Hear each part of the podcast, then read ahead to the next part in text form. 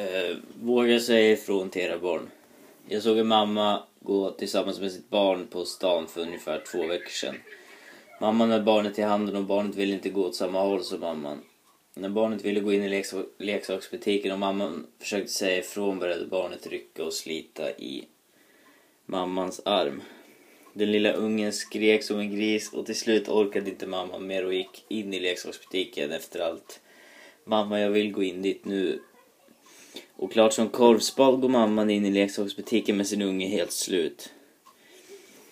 När det gäller barn så måste det finnas en gräns. Ett barn ska inte få allt den pekar på.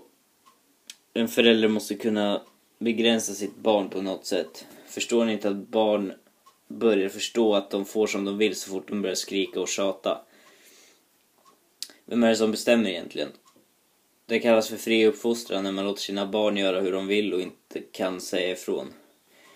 När era barn är stora är de uppväxta med att få allt de pekar på och vara helt ansvarslösa. Skulle ett liv fungera där man skiter i allt och lever på bidrag och föräldrarnas pengar? Skulle inte tro det. Det mest skrämmande är att om framtida vuxna skulle vara så ansvarslösa och strunta i att jobba skulle inte ens samhället gå framåt. Ni måste kunna säga ifrån direkt när ni tycker att det går över gränsen. Förstår ni inte att barnen blir uppväxta med att få allt de vill ha och inte behöva jobba för någonting? Barnen måste lära sig från grunden att sluta. Det gäller då för er föräldrar att aldrig tveka utan säga ifrån direkt så att det inte blir för sent.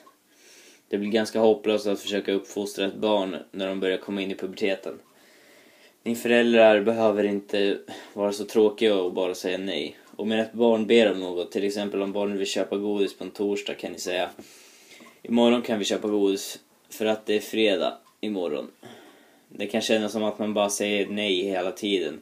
Men man kan släppa en av fem strider så att man säger, så att man säger ifrån fyra av fem gånger.